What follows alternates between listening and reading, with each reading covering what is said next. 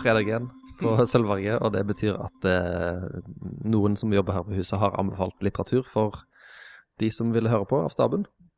Eh, og dette blir da en podkast av. Eh, og i dag er det Tone og Thomas som eh, har tatt med seg bøkene inn Hei. i det lune hjørnestudioet vårt i, i tredje etasje. Eh, dere har jo ganske like navn. Dere sitter en meter fra hverandre. Eh, dere er småbarnsforeldre. Eh, dere jobber i første etasje på Sølvberget til tider. Er det flere fellespunkt? Sitter overfor hverandre på pultene. Ja, eh, eh, vi er, vi er veldig tiltalende personer begge to. Det har vi felles. Det er helt sant. Mm. Eh, det begynner med deg da, Thomas. Hva er det du har lest i det siste som du vil snakke om? Ja, Nå har jo problemet blitt litt omvendt eh, mot det var før. For da snakker jeg bare om bøker som jeg leste da jeg var 20. Men nå leser jeg så mye at ehm, jeg liksom sortere kraftig med hva jeg skal faktisk snakke om på bokpraten. da. Så jeg må liksom Kill your darlings. Må, det var en, en god haug med bøker som jeg hadde, kunne godt ha snakket om. Eh, og i tillegg så er jeg dårligst i verden på å forberede meg. Så når jeg kom i morges og skulle ta ut bøkene jeg skulle snakke om, så var jo halvparten av dem utlånt. Så det ble liksom Så eh, det som jeg har med meg her, det er alle, alle bøkene som jeg har med meg, eh, kan jeg gå god for. Eh, vil du ha en, skal, skal jeg si alle bøkene først? Nei, vi, vi tar én og én. Ja. Så den første er en selvbiografi til Tina Fey.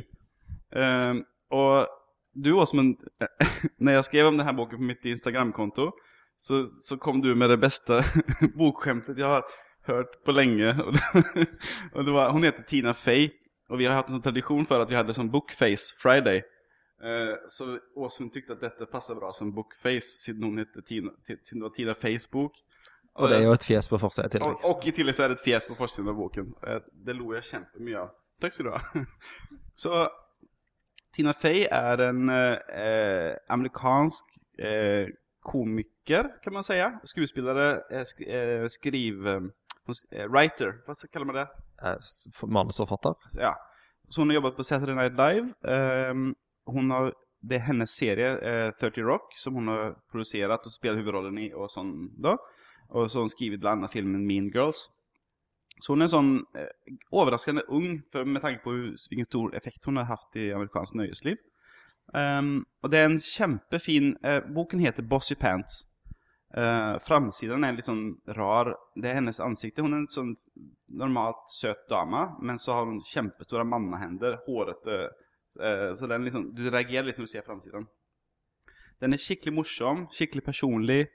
Um, veldig du, du får liksom en innsyn i det uh, amerikanske Hollywood-innsiden. hur det funker på bak, bakom innspillingene i, på, på tv-serier og Saturday Night Live. og hun er en feminist, uh, så du får et veldig interessant feministisk perspektiv på, på hur, hvilken forskjell det är nu og for 20 år siden og hvilke store framskritt det har faktisk har skjedd. Og det kanskje man ofte glemmer, for man tenker ofte hvor alt er så drit liksom, men det, det går jo framåt hele tiden.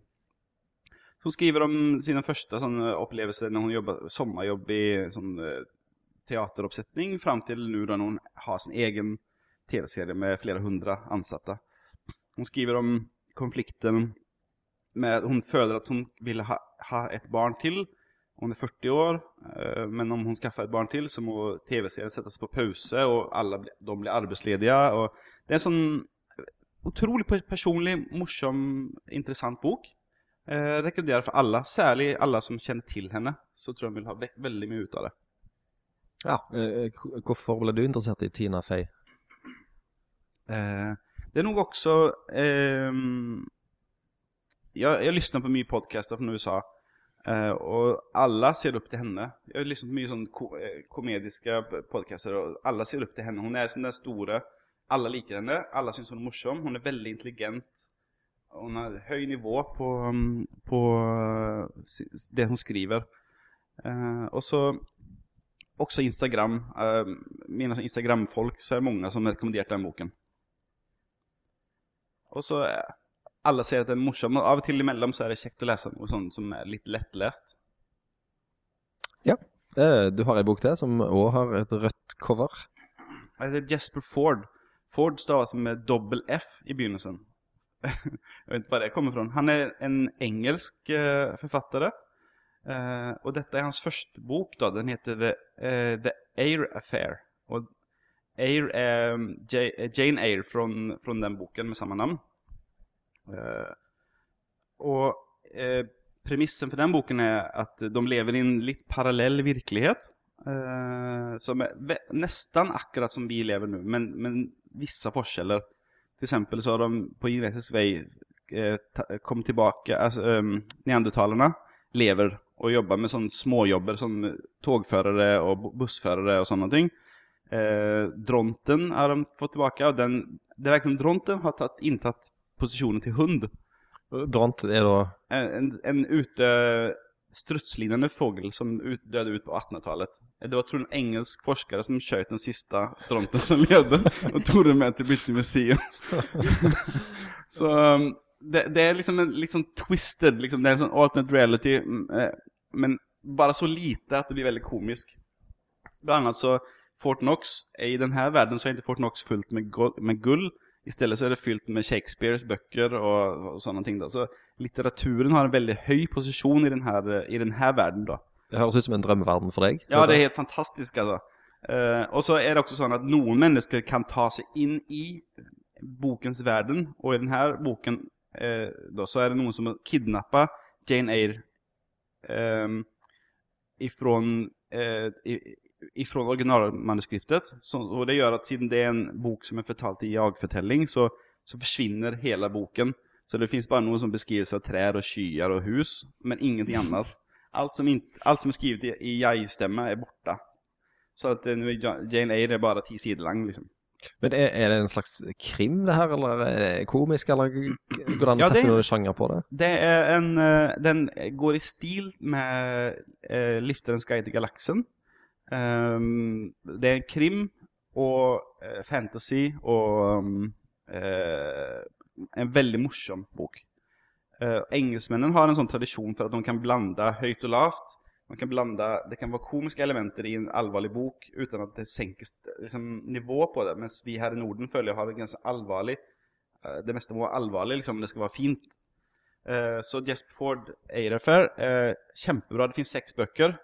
Huvudrollinnehavaren heter um, Thursday Next. eh, och alla har, eh, alla har väldigt morsamma namn. Eh, den största skurken heter Jack Shit. Så, det, er bare, det er bare fantastisk morsomt. Og spennende, faktisk. Yes. Mm. Litt i samme sjangeren så er det en bok du har med deg, Tone, som er jo eh, i en verden som er litt lik vår, men ikke helt. Ja. Jeg har eh, da lest eh, Ready Player One av Ernest Klein. Og da befinner vi oss i eh, 2044. Og da er ikke verden en bra plass å, å bo. Eh, man bor i eh, Det er fattigdom, og det er energikrise.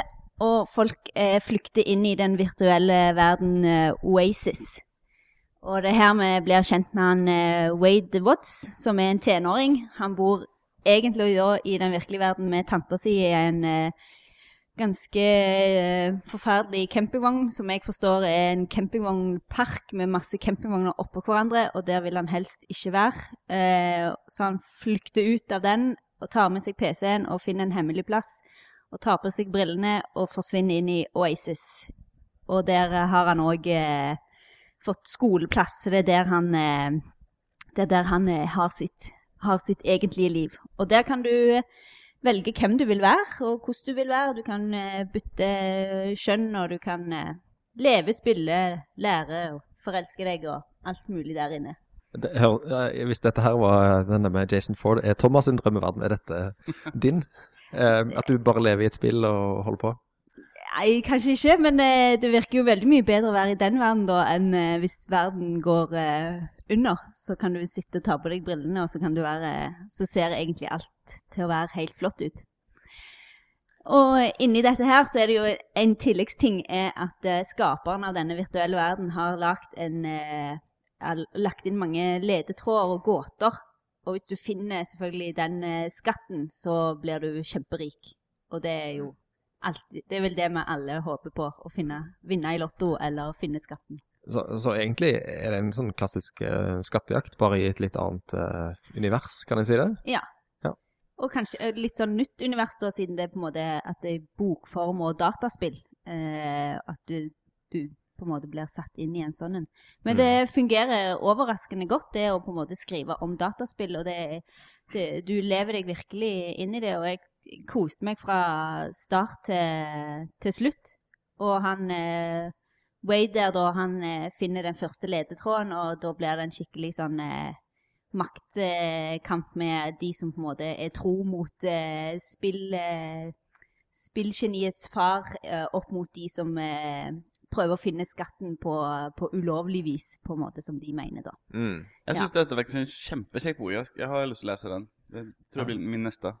Ja, jeg, jeg leste den for et par år siden, og det, jeg eh, fikk den følelsen som du har, at du går på en måte inn i et dataspill når du leser den. Det er Mm. veldig vanskelig å forklare, men uh, du havner på en måte i et sånt parallelt univers sjøl. Ja. Det var utrolig gøy. Og jeg leser ikke science fiction, men den var Ja, den likte jeg eh, veldig godt. Og så eh, det som var sånn ekstradimensjon er dette her med den eh, Både han forfatteren, har jeg forstått, men òg han, han som har lagd spillet, altså Oasis-virkeligheten der.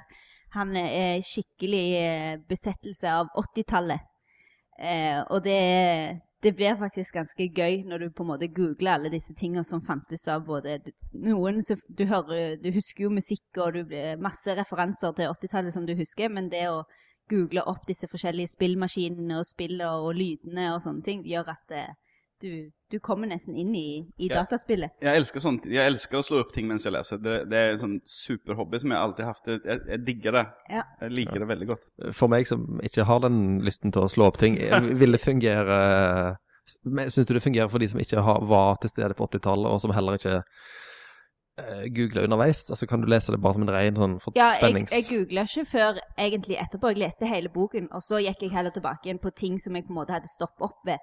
Noen ting bare glemmer du underveis, på en måte at du skjønner at det er en 80-tallsreferanse, men du bryr deg ikke noe mer om det. Men ting som du kanskje brydde deg litt mer om, om liksom ja, eventuelt et spill, eller der han stopper og tenker litt mer, eller sånne ting. Så blir det litt mer. Men han forklarer jo ganske godt òg, liksom, når han snakker om eh, forskjellige musikktyper og sånne ting, så forklarer han liksom litt mer godt òg hva, hva det forskjellige er. Og da, ja.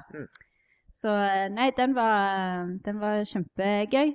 Og så er det jo nå at eh, når, når jeg leste den, var første jeg tenkte Hvem er det som skal lage film om dette? Det var et skikkelig sånn filmplott. Så jeg gikk rett inn på IMDb for å sjekke eh, hvem som har rett rettighetene til dette. Og det er jo da uh, Steven Spielberg kommer med da denne filmen i 2017, ser det ut som. Så det blir spennende. det kan ikke slå feil. Nei, han må skjerpe seg, i Spielbergen, men dette, han må gjøre det bra. har, han- har, han- vært slapp i det siste? Han har noen sånn eh, opp og ned, han òg, Ja, han er heldigvis. Ja. Ikke alt, ikke alt han tar i som blir fantastisk. Nei, Nei. Men dette uh, må bli. Dette må bli. Ja. Yes, eh, Og så har du lest uh, krim, eller er det krim? Ja, er det krim? Eh, jeg liksom tok den der eh, påskekrimmen tok jeg litt etter påske nå. Så, og det var egentlig eh, Hvis jeg hadde lest den i påsken, kanskje jeg hadde blitt litt skuffa, for det var ikke sånn, eh, sånn typisk eh, krim som du tror, sånn med etterforskere og sånne ting. Politiet er veldig fraværende i denne. For, Men- for at det skal være krim, så skal det være si hva den heter. Den heter Ja. Ja, det er 'Piken på toget' av eh, Paula Hawkins. Ja. Som har fått masse gode kritikker. Jeg fikk anbefalt den fra en kollega her på huset, som eh, sa at den må jeg lese i påsken. Men uh, den ble ikke ledig før etter påske. ja for mm, kravene til krimsjangeren, det er jo at det skal være et drap, helst. Et eller flere drap. Ja. Og så skal det være noen som skal En, en uh, offentlig person, altså politi eller en detektiv eller et eller annet som skal finne ut hvem som har gjort det. sant? Det er Ja. på en måte krimkravene. Men Ja. eh, det er ikke det i denne boka her, eller? Nei, det er jo eh, det, det er tre kvinnelige eh, fortellere. Tre historier, på en måte, eller ja. Eh, der hun ene forsvinner og, og har blitt drept. Men der er, politiet er på en måte bare sånn De er innom og snakker med dem, men de er ikke framtredende i det hele tatt. Det er hun her, Rachel her som, som vi blir kjent med mest, som har sett, eh, sett på disse, dette dette paret som hun kjører forbi hver dag i toget, og så ser det veldig idyllisk ut, og så plutselig en dag så er det en annen mann der. Hun lager på en måte en, en egen fortelling. Hun, hun, har aldri, hun bare ser dem når hun Mm. drar forbi. Så hun lager liksom et liv eh, for dem, på en måte. Ja. Ganske fint eh, gjort. Altså, det, altså det, eh, boken er skrevet på en kul måte, syns Mm. jeg. Absolutt. Og så tar det jo veldig lang tid inn i boken før du faktisk vet at noe har skjedd. Du mistenker jo, Ja. men det tar jo lang tid, liksom, egentlig, syns Ja. jeg. Så, Så det er en veldig sånn psykologisk thriller. Det tar lang tid, men det er veldig fengslende å Mhm. lese videre. Og så blir det på en måte så mange historier som på en måte rulles opp. Eh, så du vil vite mer. Og hvem er det som har gjort dette her greiene? Og eh, mange sånne overraskninger underveis, liksom. Ja. Sånne altså, Og det skal jo krimmen ha. Det er jo Ja. Ja. da det, det er innenfor. Ja. Ja, det er innenfor, for det er jo et sånn et Hvem gjorde det? Mysterium. Det, altså, det, er, det er et sånn et plott, men du har ikke på en måte den der sterke offentlige etaten som er med å, å hjelpe. De finner det på en måte ut sjøl. Og så er hun hovedpersonen litt sånn eh, Litt irriterende, men veldig sympatisk. Altså sånn, hun er For at hun, hun er fastnat på Hun er fastnat, og vi, vi vet ikke hvorfor, men hun er liksom bare Hun er stuck liksom i sitt liv. Hun bare eh, kommer seg ikke videre. Nei. Og veldig sånn litt frustrerende, men du liker henne godt. eh, Ja, jeg. Og hun, hun tar på en måte over den der rollen som vi er vant med i forhold til alle disse her etterforskerne har som Ja. regel et alkoholproblem, og det har jo hun òg. ja. Så, så hun er liksom eh, alkoholiker egentlig nå, Ja. og på en måte sliter med det at du nå må hun være nøkter for å få et klarhet i hva var det som skjedde, men så er Og det så på gjør flaska hun igjen. så flaue ting hver gang hun drikker. Ja. Så hver morgen hun våkner, så sjekker hun mobilen. Hva har jeg gjort nå, liksom? Ja. Og så er det alltid noe drit Alltid hun har gjort, liksom. Og... Så, men han var Jeg fikk litt eh, angst, husker jeg, når jeg leste boken. Ja. Du ble litt sånn 'Å nei, hva var det du skrev nå?' Får litt og- angst på vegne av ja. Ja. Men eh, den var veldig kjekk, og en litt sånn, ja, litt sånn annerledes krim. Vi snakket litt om at han kunne stått på en måte på skjønnlitteratur eh, litteratur òg. Men mm, Eh, en annen som er veldig opptatt av tog, er jo uh, Dag Solstad. Han har ofte en hovedperson som kommer ut i en eller annen østlandsby ja, just det. ja, Mm. og skal begynne på et nytt liv. Uh, og du har med deg en eh, Solstad-klassiker som du likte godt. Ja, eh, Kjennelse og verdighet. Um, det var sånn eh, Jeg er jo svensk, då og norsk litteratur står ikke så veldig starkt i Sverige. Så jag har liksom Og jeg har läst ekstremt mye eh, i, min oppvekst, men jeg har aldri läst noe egentlig av eh, norsk. Og så insåg jeg plutselig det, og da var det noen som sa ja, da burde du lese Dag Solstad, da. Og så sa hun eh, Hild at om jeg skal lese Dag Solstad, så skal jeg lese denne først. Og det er Sjenanse og verdighet.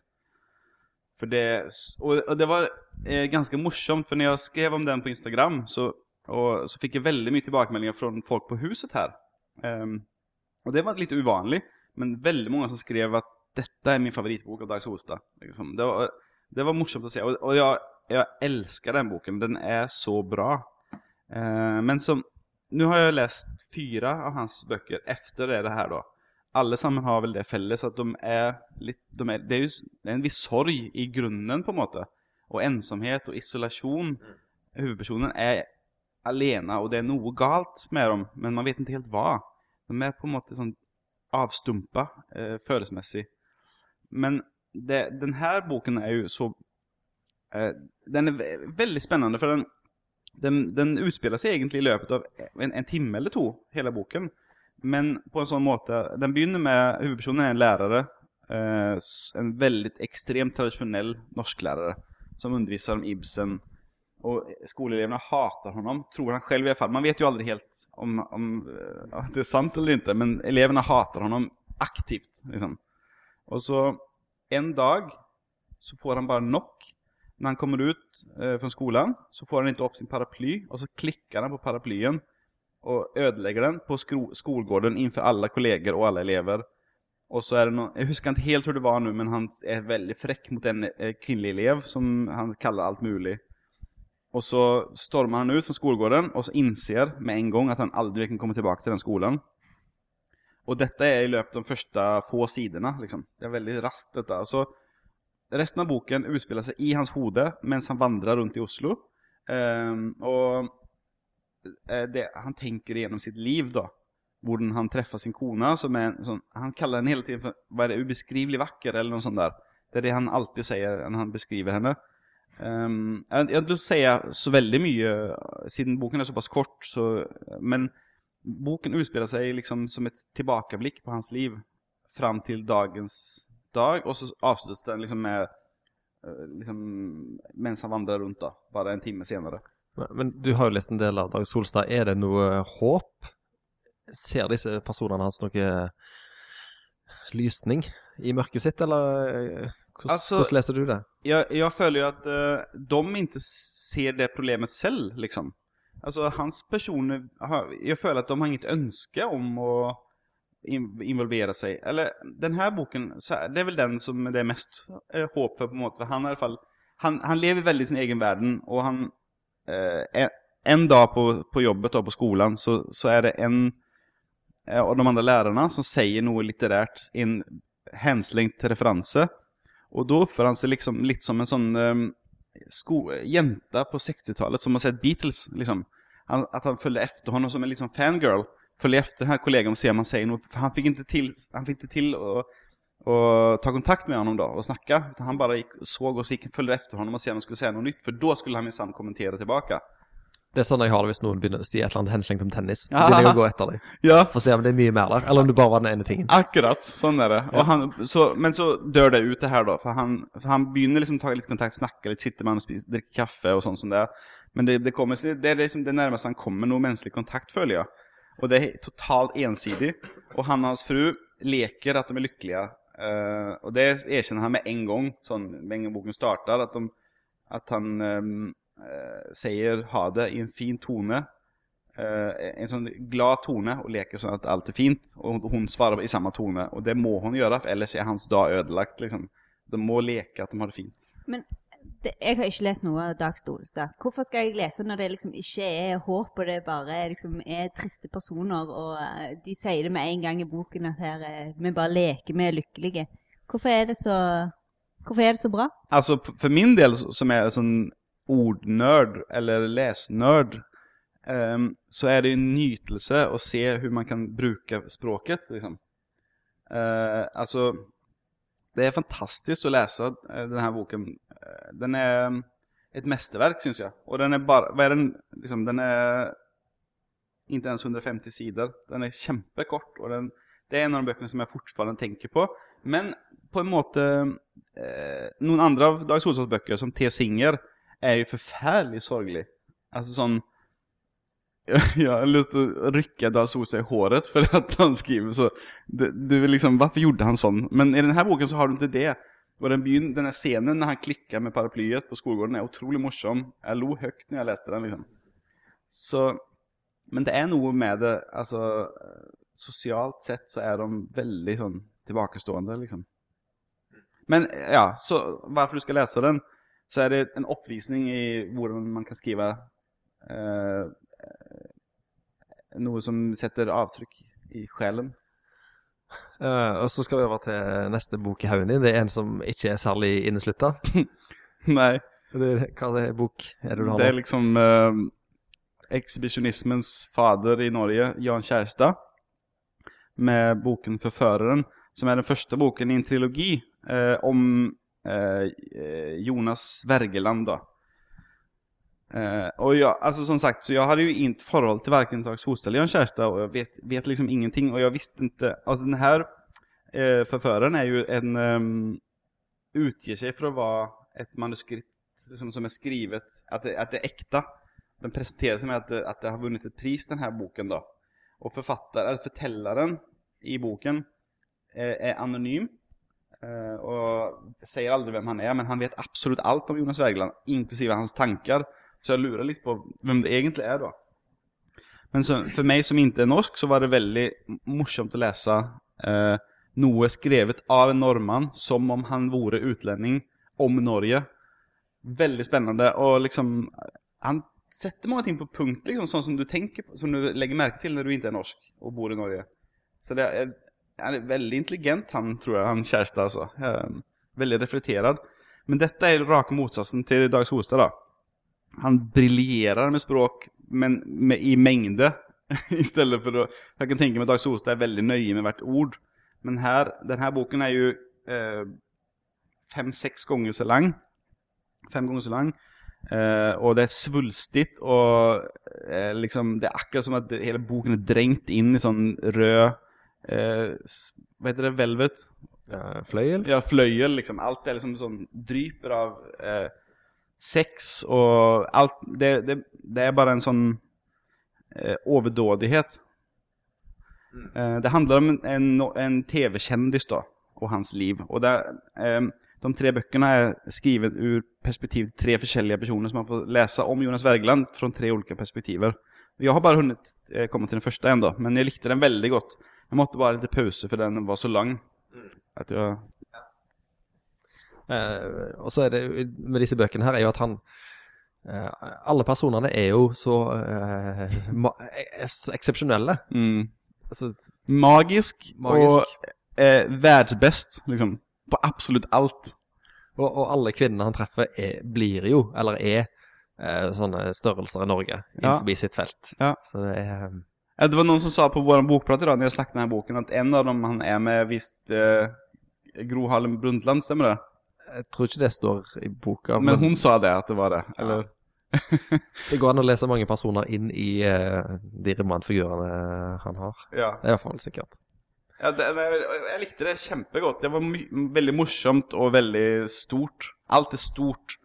Liksom store fjell. st- Alt er fantastisk og overdådig. Og han har en magisk penis som, han, som hjelper honom i livet, liksom. Det er eh, veldig spesiell bok, altså. Og, og denne boka kom ut i 1993, sant? Og du kan tenke Norge da er, er noe annet enn det, var, enn det er i dag. Altså, vi var ikke blitt sånn steinrike og sjølgode og høye på oss sjøl. Vi var liksom på I slutten av de eh, nedgangstidene på 80-tallet, så kommer Ja. den her, som Ja. må ha vært veldig annerledes Ja, når den kom ut, vil jeg se for meg. verkligen. Det kan jeg tenke meg, for det er jo 20 år siden. Eh, Mer enn 20 år siden, ja. Mm. Jeg rekommenderer den også. Eh, eh, du, det var jo du som rekommenderte denne boken til meg. Stemmer det? Eh, Det er veldig sånn harde Solstad og Kjærstad-fronter på Sølvberget. ja, det er kjempemorsomt. Vi har sånn en kollega som rekommenderer Dag Solstad, og en annen som rekommenderer Johan Kjærstad. Og hun som rekommenderer Solstad, eh, har ingenting annet enn forakt for Johan Kjærstad. Så det er kjempemorsomt. Det er morsomt å få liksom, litterær eh, krigføring. sånn gerillakrig. Ja. Eh, vi skal over til siste boka di, Tone, som eh, er eh, nesten helt ny. Ja. Store hendelser i liten skala av Bjørn Arild Ersland. Hans første voksen, voksenroman. Og den var vi jo veldig, veldig nysgjerrig på her på huset. Um, så jeg tok med meg den. Uh, og den fikk jo kjempegode kritikker. Og det er kanskje litt som å, banne i kirka når du sier at du ikke liker noe, men eh, den falt ikke helt i, i jord hos meg. Eh, men eh, det handler om en helt vanlig mann, en Arne Kjøllingstad. En jeg-forteller gjennom hele boken.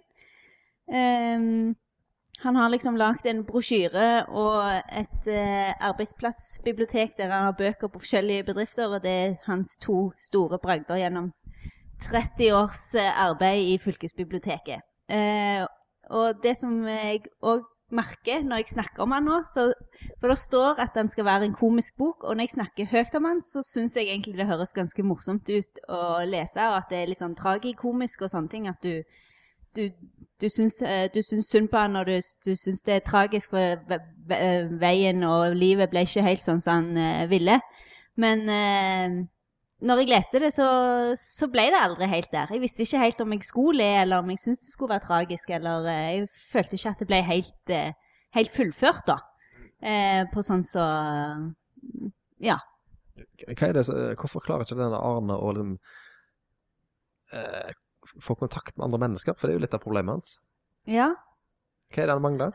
Hva mangler For han er liksom veldig sånn Når vi forteller jeg-personen så er han jo veldig ovenpå og har eh, på en måte troen på seg sjøl og vet hvor han vil egentlig og sånn. Men han, sitter nå der i, i bilen sin og så te, han tenker på alle de spørsmålene han skulle spørre denne her eh, En av de karakterene er en sånn illustratør som han har med seg på en forfattertur. Eh, og han, det innerste inne har han lyst til å spørre om denne personen kan, eh, kan være med han på et videre prosjekt, siden han skal nå gå av i fylkeskommunen. Men det kommer aldri ut. Det, Mm. det bare det, det, blir for, det forblir inne. Og det samme er med, med, med han og, han og kona òg. Det, de snakkes, men det snakkes ikke om de tinga som faktisk eh, har noe å si. Ja, jeg, jeg, jeg har jo ikke lest den boken då. Men eh, du har lest begge, eh, Åsmund. Eh, minner det noen om personene i Dags Holstad? For det, det høres ju ut som han også lever i en glassbur liksom. Ja, det, det er en slags eh, link, ja. Det, Mm. Kommunikasjon er jo stikkord for begge to. At de klarer ikke helt å Ja. binde seg til andre, eller Mm. få fram det de egentlig vil. Att de lever inni sitt eget hode. For det, det er visst viss tänkte- gjør de det, ja. Ja, at Mm. du sa at han tenker på spørsmål han ville ställa. for det også er jo Dag Solstad, at han tenker nesten opp til hele hela samtalet Ja. med personer. Men så blir det ikke men sånn. så blir- det ingenting. Nei, eller det passer aldri å spørre, Ja. eller ja. Men så, men så har du liksom da eh, lest noen anmeldelser av boka, og liksom noen eh, eh, Sammenlignet den med denne her Stoner av eh, John Williams. Og, det jo, og den har jeg òg lest, og den likte jeg kjempegodt. Eh, den, den står jo ikke at den skal være komisk, da, men det er jo på en måte om et helt vanlig, ordinært liv. Eh, og da ble jeg så overraska sjøl at jeg syntes det var så bra å lese om liksom et helt normalt liv, og det gikk liksom sånn. Eh, mens, eh, mens denne utgaven likte jeg ikke av et helt normalt liv. Men, eh, men jeg vil tro at de som eh, syns eh, sånn type tragikomisk er, er komisk, da, at det er den eh, humoren de har i forhold til de som faktisk liker Erlend Lo, eksempel. De vil òg kanskje De tror jeg òg vil like denne boka, da. Så det var kanskje bare ikke min, eh, min humor. Ja. Eh, vi skal avslutte med litt eh, visuelle tips, eh, som gjør seg jo veldig dårlig i, i lyd. Men Men heldigvis er det jeg som skal snakke om det. Ja. Jeg har jo et veldig blomstrende språk. ja, kom igjen. Nei, men um, det er en bok som heter The Now of Brown. Og now eh, stavas N-A-O. Det är inte det ordet nu på engelska. Eh, författaren är Glyn Dillon. Och det är en eh, nydelig eh, tegneserieroman eh, som handlar om en ung kvinna som bor i London. Hon är halvt japansk och halvt engelsk. Eh, hon har problem, mentala problem med, inte sån överväldigande, men hun har tvångstankar. Våldsamma tvangstanker der hun dreper folk i tankene. Eh, men heldigvis, hun gjør aldri noe, men hun er till eksempel livredd for å skaffe barn, for hun er livredd for hun skal være stygg med barna. Så hun, hun setter også, alltså i likhet med kanskje Solstad og han, at de, de setter begrensninger for seg selv, Som lages som gjerde rundt sitt eget liv på grunn av innbildninger bara. Eh, och den, den här boken var så fängslande att jag till och med läste, jag la den, jag har en baby så vi har ställebänk i sovrummet, eh, eh, eh, badrummet. Så jag la boken på ställebänken medan jag pussade tänderna och läste. För jag klarade inte att sluta. Det var akkurat før jeg skulle gå på jobb. Jeg håper du ikke leser mens du steller baby. nej, nej, han accepterar inget sånt. Han kräver ögonkontakt med min baby. så, så nej, eh, det er litt vanskelig å fortelle så mye. Eh, for det, det skjer ikke så mye, egentlig. Det er mer veldig utrolig tiltalende eh, kunst. Eh, tegninger. Og teksten. Og samarbeidet mellom dem. Altså sånn Det er akkurat som at du har eh, At de har laget en film, og så har de klippet ut eh, utvalgte bilder ur filmen og satt på sidene i boken. Så de får sånn veldig sånn talende blikk. Du ser hvordan en mann ser på en, en kvinne som han er forelska i. Uh, men han sier ingenting om det til henne, men du ser det bare på ham.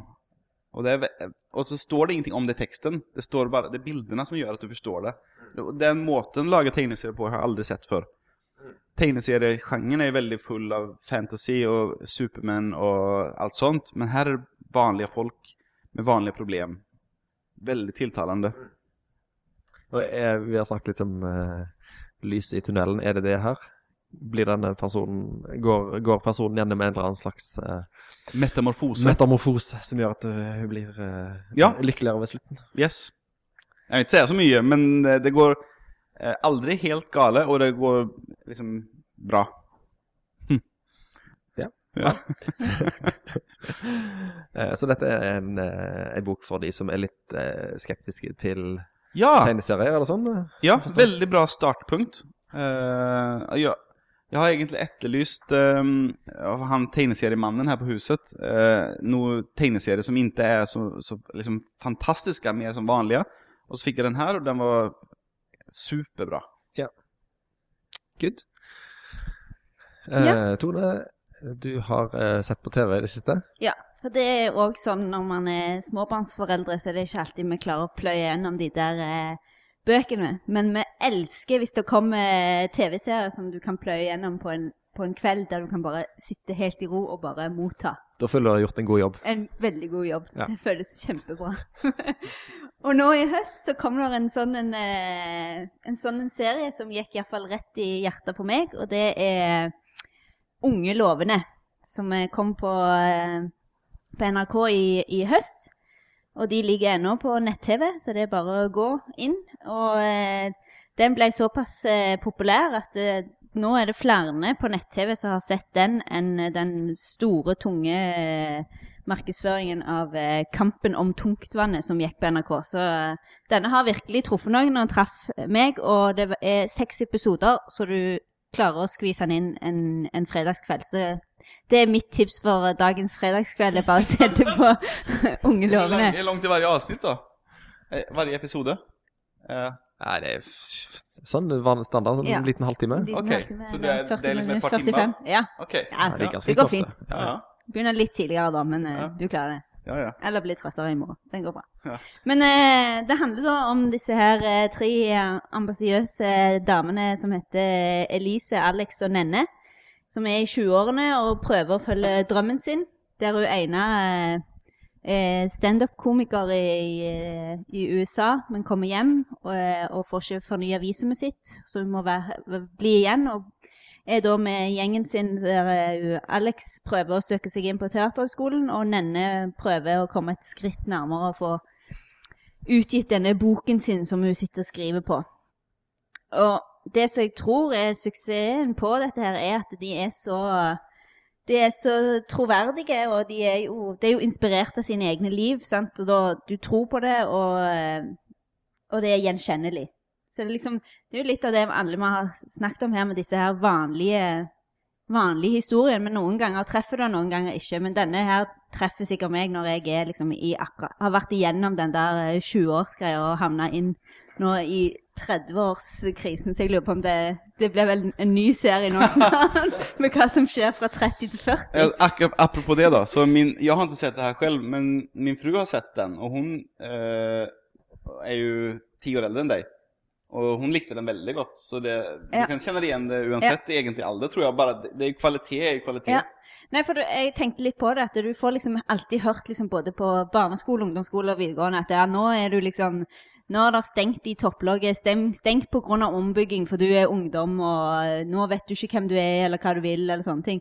Og det kjente jeg egentlig ingenting på når jeg gikk på videregående eller ungdomsskole, men når du liksom ble 22, da, da smalt det.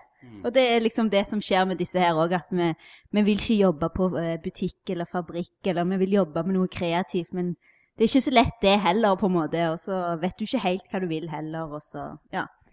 Men så, noe av det som jeg òg syns er veldig bra med denne serien, er eh, liksom Som jeg iallfall kan bli irritert på av norske serier, er det med dialogen. At eh, du tror ikke helt på dem i forhold til dialogen og manuset de får.